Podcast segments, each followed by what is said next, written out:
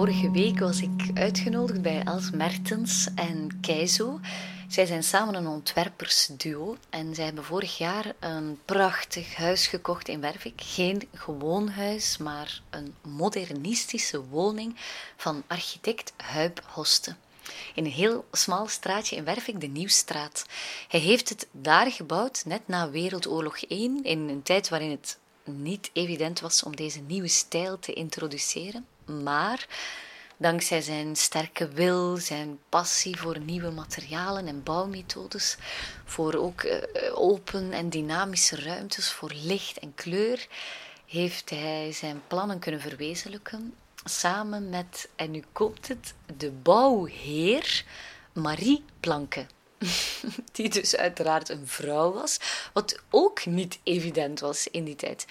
Maar kijk, ze hebben het samen toch maar gedaan en het is een prachtige ijzerwinkel geworden toen.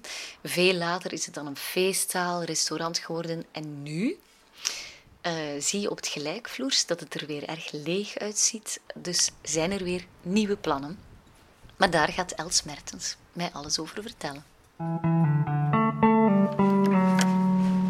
Hallo. Dag Els. Welkom. Dankjewel. Ik heb de taart mee. Ah, dank je. Dat is heel lief. Ik ben blij. Wat een grote inkomhal hebben jullie. Ja, ja, ja. Het is een heel uh, mooi en licht groot gebouw.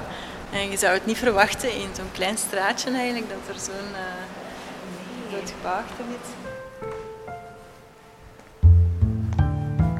Dit is eigenlijk de, de, gelijkvloers en vroeger was het een ijzerwinkel. En de ijzerwinkel was vooral beneden en boven was het stockageruimte.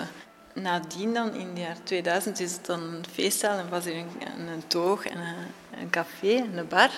Het uh, was ook heel warm, maar uh, we willen eigenlijk terug het gevoel van, uh, van de ijzerwinkel een beetje terugbrengen. Ja. En terug een atelier van maken eigenlijk. Het is te groot natuurlijk voor ons, hè. het is 900 eh, vierkante meter. En dan dachten we, wat, wat kunnen we ermee doen of hoe kunnen we dat gebouw eigenlijk een goede nieuwe bestemming geven? Want het is een hele mooie, aangename ruimte. En eh, de vorige eigenaars, Ivan en Timothy en Gregory, die hebben er ook een hele warme ruimte van gemaakt. Ik denk dat er heel veel mensen van genoten hebben en dat was ook een heel mooie bestemming. Ja. ja. Alleen zijn wij ontwerpers en architecten en willen we, allee, zitten we in een ander soort. Uh, ja. Um, ja, het is eigenlijk wel leuk, want het was sowieso erfgoed. Ja. Maar jullie maken er nu nog meer erfgoed van dan het eigenlijk was, toch? Hè? Ja, dat is de bedoeling. Ja, we hebben ook heel groot respect voor, voor erfgoed en oud erfgoed. En we vinden dat dat behouden moet blijven. Dus we willen graag um, ambachtslui die een oude ambacht beoefenen ook. Uh, uh, uitnodigen om met ons samen uh, projecten te doen of hier te komen werken of uh, workshops. We zijn met van alles bezig. Els is, dat kon je meteen zien, een erg gepassioneerde vrouw die erg vastberaden is om daar hun fantastische plannen te verwezenlijken. En ik moet zeggen, ik kon het daar al zo voelen. Keizo, de partner van Els, die was tijdens ons gesprek boven rustig aan het werken. En ik kon het mij meteen zo voorstellen dat er zo nog acht andere mensen daar zouden bezig zijn. In heel veel rust en stilte. Achteraan is, is de smidse, die is ook overgebleven. En dat daar dan een smid aan het werken is. Op een andere plek is iemand aan het tekenen. En nog op een andere plek is iemand papier aan het scheppen, bijvoorbeeld. Of ergens anders is iemand aan het lezen en onderzoeken. En ondertussen kan er rustig een theetje gedronken worden. Als je creatief bent, is het een ruimte waar je absoluut wilt zijn. Maar goed, dat zijn de plannen. Eerst nog even terug in de tijd. Oké, pak mij maar mee.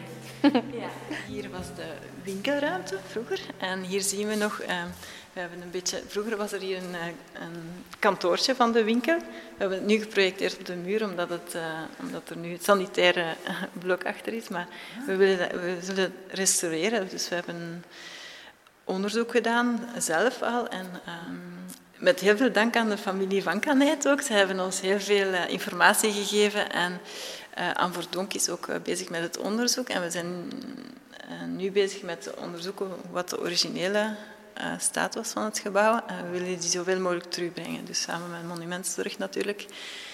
En Ehm, dus dit hebben we nu op de muur geprojecteerd om te tonen dat, dat het er was en dat het er in de toekomst tot terugkomt. Voelen jullie de ziel van, van Huip hier hangen? Ja, natuurlijk. Want, uh, maar daar, daarvoor um, willen we nog meer onderzoeken en willen we het echt restaureren naar de originele kleuren, want voor hem was kleur ook heel belangrijk. Normaal gezien wil een architect altijd nieuw bouwen en nieuw, uh, maar wij vinden het heel um, fijn ook om te kunnen ontdekken hoe dan een andere architect het allemaal gemaakt heeft. We hebben van alles overal een beetje gevonden. En ook uh, met te praten, door te praten met de vorige eigenaars eigenlijk. En, maar dat is ook heel fijn om, uh, om dat te zo uit te zoeken eigenlijk. Hè. Dat is heel boeiend om, uh, omdat we leven hier en we ontdekken ook van alles door hier te leven en door dan details te zien, grote en kleine dingen te ontdekken eigenlijk die je niet zou ontdekken als je hier niet zou leven. Het gaat soms over hele kleine dingen, hoe dat de deuren open gaan, hoe de, de detaillering, de, en we, we, willen ons dan inbeelden waarom wij dat zouden gedaan hebben, want dat is voor alles wel een, een goede reden eigenlijk. Ja. Ja. Wat, wat, zou de reden van zo'n indrukwekkende uh, trap zijn, zo, in het midden van zo'n ijzerwinkel? Dat weet ik niet. Dat, dat, we hebben gehoord dat hij dat niet per se een grote trap wou zetten, maar dat het meer iets was van de eigenaar of zo. Maar het mooie aan dit uh, gebouw en dit project vind ik dat hij eigenlijk uh, het heel zijn leven is blijven volgen. Ook hij was deel van de familie en hij heeft dan de winkel gebouwd, dan het huis erachter, dan heeft hij de garage gebouwd, dan heeft hij een veranda gezet uh, achter het huis, ook met zo'n glazen daklicht. En dan heeft hij nog eens in, vlak voor zijn dood, eigenlijk in de jaren 56, de, de vitrine verbouwd. Okay. En dan de, de blokjes afgekapt.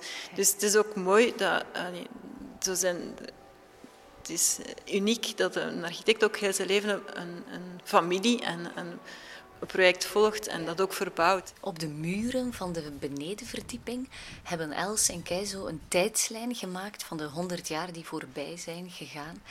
In 1920 is de opdracht gekomen om de ijzerwinkel te bouwen. En kijk, we zijn 100 jaar later. Dus net heel bijzonder dat zij net nu dit project willen verwezenlijken. Els heeft mij uh, die hele tijdslijn laten, laten zien, die heel erg interessant is. We hebben dat allemaal overlopen.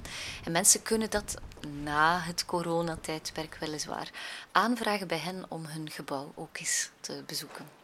En nu? Waar gaan, ja, we, waar gaan, gaan we naartoe? Naar, naar boven eigenlijk. Hè. Dus nu gaan we naar het eerste verdiep. Okay. Waar vroeger de stockageruimte was. Dat is eigenlijk een hele mooie stockageruimte. Vind ik een heel aangename, warme ruimte. Ja, en hier komen we dan op de eerste verdieping. En uh, ja, in Japan is het de gewoonte van altijd de schoenen uit te doen.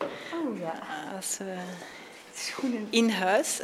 Dus, en voor ons is dit een meer huiselijke ruimte. Dus uh, okay. dan krijg je Japanse huisschoentjes, sloeven. Is het eigenlijk zo in Japan dat er dan voor iedereen ook, ook ja. echt sloefjes klaarstaan? Ja. Ja. ja, zo leuk. Ja, en of de postbode komt of iemand komt leveren. Oké. Okay.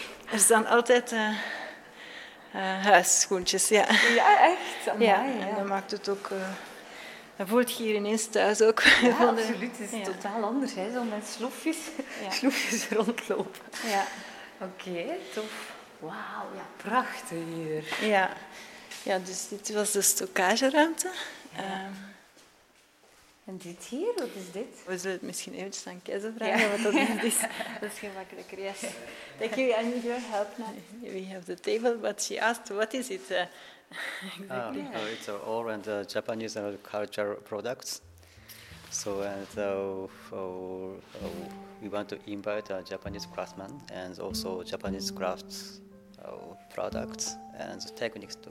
So ja, dit is een tafel met allemaal Jap Japanse ambachtelijke producten. En bijvoorbeeld in Japan is papier bijvoorbeeld heel belangrijk. Er is een deel over voedsel deel over textiel, uh, boek, boeken, keramiek. En we willen eigenlijk een, uh, ja, en hout ook, ja. En we willen eigenlijk een uh, bibliotheek maken, een materialenbibliotheek en een boekenbibliotheek met inspirerende dingen die dan later ook kunnen besteld worden of gebruikt door, voor ontwerpers en ambachtslui. We willen eigenlijk een culturele uitwisselingsruimte maken en we willen de Belgische lokale cultuur met de Japanse lokale cultuur uh, tonen. En dat dat een beetje verloren gaat in, uh, in de wereld. Dus overal globalisering en overal vind je een beetje dezelfde ketens en we willen eigenlijk de lokale cultuur uh, behouden. En dit, dit, we willen eigenlijk een culturele uitwisselingsruimte maken waar mensen de cultuur kunnen ervaren en ontdekken. En uh, de materialen, dat is omdat ontwerpers en architecten willen, uh, zijn geïnspireerd ook door materialen. En... Ja. Maar het wordt geen winkel. Nee, het is een, um, een co-atelier. Super. Een beetje thee en taartje eten, want sorry, je taartje is misschien al warm aan het worden. Lust je graag groene thee? Heel graag. Ja? Ja. We hebben Japanse groene thee, is heel lekker. Misschien had ik, eh, als ik het zo zie, mijn taart niet nodig.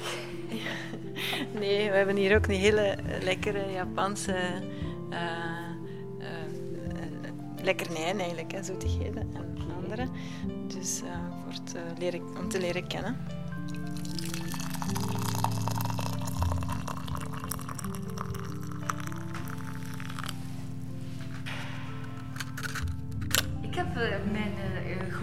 Vlaams taartje mee, maar ik word hier eigenlijk ontvangen met allemaal lekkere Japanse dingen waarschijnlijk, ja. toch? Ja, dit zijn, uh, dit zijn eigenlijk de typische Japanse pannenkoeken, noemen ze dat dan. Het zijn niet, niet echt pannenkoeken, maar ze zijn gevuld. De ene is met rode bonenpasta, dat is een soort typisch dessert van Japan, de rode bonen, de zoete rode bonen. Okay. En de andere met um, kastanjes. Hmm. Smakelijk. Is er zo nog iets, een, een, een, mysterie dat achter heel dat verhaal zou kunnen zitten? Ja, ik, voor mij persoonlijk, ik zou eigenlijk graag willen weten wat voor persoon dat hij posten is. En het is wel heel boeiend om de teksten te lezen. En, um, want ik denk in architectuur heb je verschillende soorten architecten. En ik, ik, denk dat hij een zorgende architect was. Sommige architecten werken eigenlijk vanuit de persoon voor wie dat ze bouwen. En, ja, Waarom zeg je dat, dat hij een zorgende architect zou geweest zijn? Ja, ik heb zo dat, dat gevoel. Um, omdat hij... Um, ja, hij werkt er ook heel ecologisch en uh, er is altijd een soort buffer tussen binnen en buiten. Maar Poste was een heel veelzijdig architect ook. Hè. Dus hij, um, ja, dit gebouw is echt een, een, gebouw dat van binnenuit te beleven is. Sommige gebouwen zijn um, van buiten belangrijk ook, maar hij werkte ook heel veel van binnenuit, rondom de mens eigenlijk, die centraal stond. En, um, ja,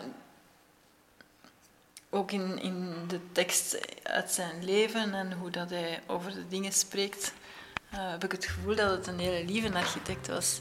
Ja. Maar uh, de onderzoekster zei mij, ik, toen ik haar dat zei, dat, dat ze zei dat het wel een hele strenge vader was. Maar hij had acht kinderen, dus het was waarschijnlijk ook wel nodig om, uh, om verantwoordelijk te zijn voor een groot gezin. Ja. En in de moeilijke tijd die hij heeft gehad eigenlijk, om vernieuwende dingen te kunnen maken. Ja. Het moet niet altijd gemakkelijk geweest zijn voor Huip Hoste, maar we zijn hem dankbaar dat hij zijn wil doorgedreven heeft.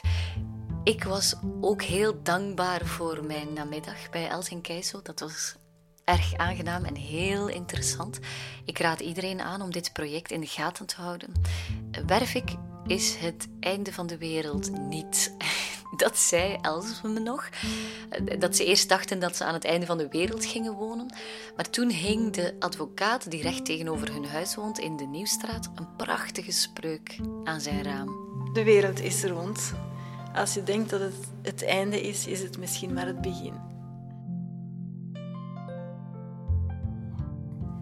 Dit was Erfgoed Mysteries.